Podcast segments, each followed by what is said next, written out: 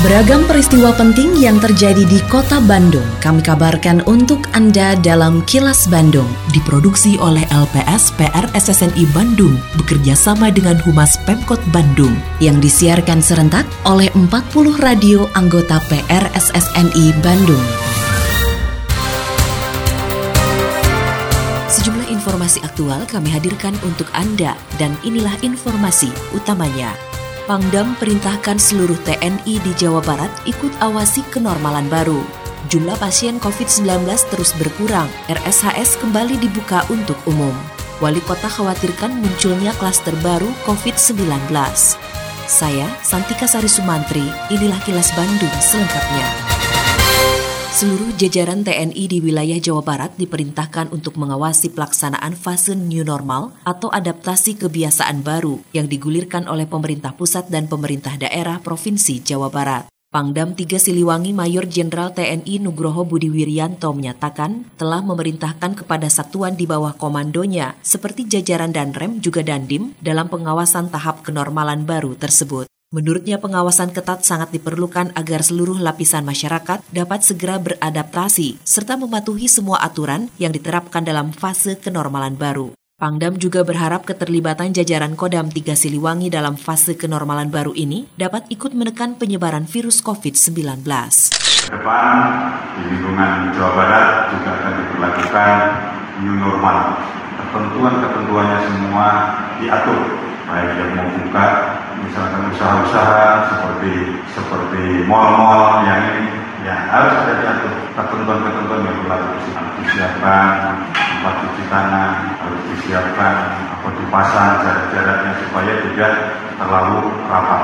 Normal pada dasar tiga hal yaitu menjaga jarak menggunakan masker dan selalu mencuci tangan Penerapan pembatasan sosial berskala besar yang bertujuan meminimalkan persebaran COVID-19 tidak menyurutkan upaya PT Bursa Efek Indonesia bersama sejumlah perusahaan efek untuk terus melakukan sosialisasi, edukasi, dan menambah jumlah investor di pasar modal Indonesia. Kepala Kantor Pusat Informasi Go Public Bursa Efek Indonesia, Reza Sadat Syahmeini mengatakan, untuk itu pihaknya menggelar program 10 Days Challenge 2020 periode pertama. Dalam program kompetisi ini, lebih dari 5.000 investor baru tercatat validitasnya. Menurut Reza, kompetisi ini bertujuan untuk meningkatkan implementasi pembukaan rekening efek yang saat ini sudah semakin cepat dan mudah. Selain itu sebagai sarana edukasi pasar modal dalam upaya meningkatkan jumlah investor dalam negeri melalui program 10 Days Challenge 2020 periode pertama, sebanyak 5.364 single investor identification baru telah tercatat validitasnya di Kustodian Central Efek Indonesia KSEI. 10 Days Challenge adalah kompetisi yang diselenggarakan oleh Bursa Efek Indonesia bagi seluruh galeri investasi Bursa Efek Indonesia di Indonesia berupa tantangan dalam melakukan pembukaan rekening efek saham sebanyak-banyaknya dalam jangka waktu 10 hari kerja.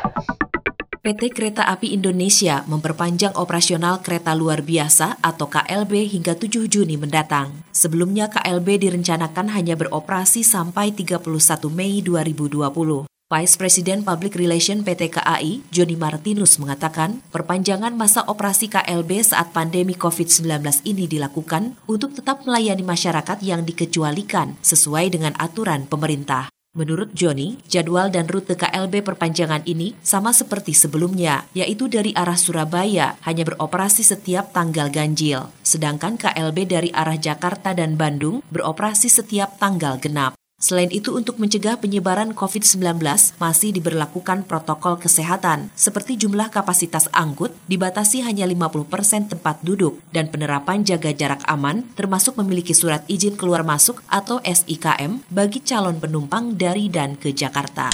Untuk bisa membeli tiket KLB, penumpang masih tetap diharuskan membawa seluruh persyaratan sesuai dengan surat edaran gugus tugas COVID-19 ditambah surat izin keluar masuk DKI Jakarta atau SIKM bagi calon penumpang yang keluar atau masuk provinsi DKI Jakarta. Operasional KLB ini melayani tiga rute, Gambir, Surabaya Pasar Turi lintas selatan, kemudian Gambir, Surabaya Pasar Turi lintas utara, dan Bandung Bandung menuju Surabaya Pasar Turi atau sebaliknya.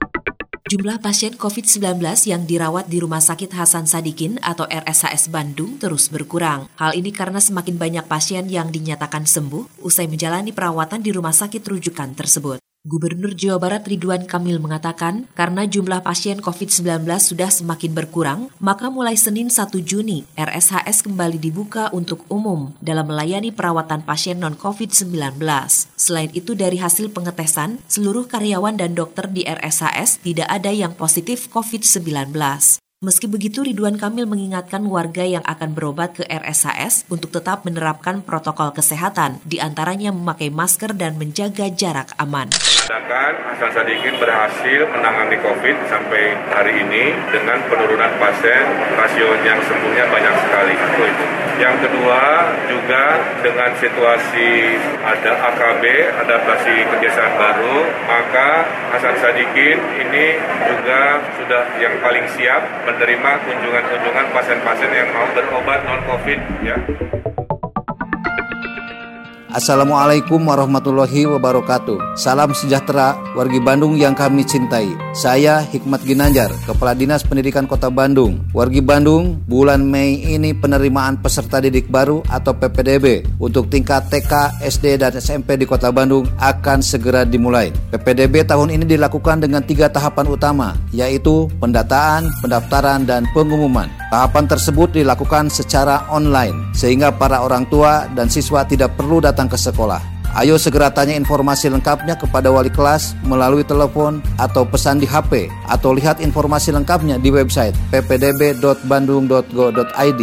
Sekali lagi ppdb.bandung.go.id. Ayo daftar PPDB dari rumah. Meski mengklaim pengendalian wabah COVID-19 sudah cukup baik, pemerintah kota Bandung belum menerapkan new normal atau kenormalan baru di masa pandemi COVID-19.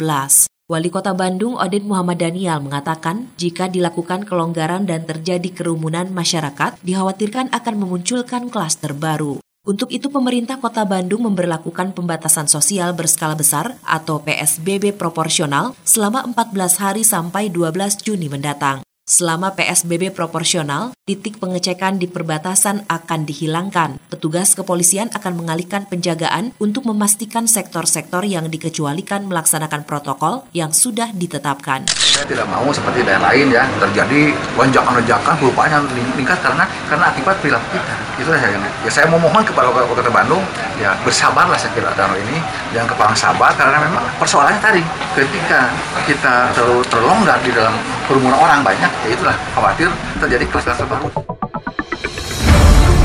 Kini, audio podcast siaran Kilas Bandung dan berbagai informasi menarik lainnya bisa Anda akses di laman kilasbandungnews.com.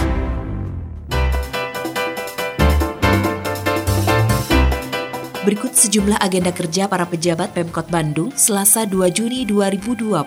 Wali Kota Oden M. Daniel sebagai Ketua Lansia Kota Bandung memberikan sambutan secara virtual pada peringatan ke-24 Hari Lanjut Usia Nasional tahun 2020 tingkat Kota Bandung. Sementara itu, Wakil Wali Kota Yana Mulyana menjadi narasumber webinar nasional bertema Future Cities Transisi Menuju Gaya Hidup Baru. Sedangkan Sekretaris Daerah Emma Sumarna memimpin rapat mengenai aset eks Matahari Banjai. Selain agenda kerja para pejabat Pemkot Bandung, informasi dari Humas Kota Bandung, yaitu pemerintah Kota Bandung masih melakukan kajian tentang kesiapan penerapan adaptasi kebiasaan baru (AKB) atau yang sering disebut new normal atau kenormalan baru. Menurut epidemiolog Diki Budiman, dilihat dari berbagai indikator, belum ada satupun wilayah di Indonesia termasuk kota Bandung yang siap memasuki masa AKB. Diki mengungkapkan Badan Kesehatan Dunia atau WHO telah merilis pedoman pelaksanaan AKB, antara lain segi epidemiologi, juga indikator intervensi seperti cakupan pengetesan persebaran penyakit, pelacakan penyakit, hingga kesiapan aturan, sarana, dan prasarana. Hal penting lainnya adalah partisipasi aktif masyarakat dalam pengendalian penyebaran COVID-19. Demikian agenda kerja para pejabat Pemkot Bandung dan info aktual yang diterima redaksi LPS PR SSNI Bandung dari Humas Pemkot Bandung.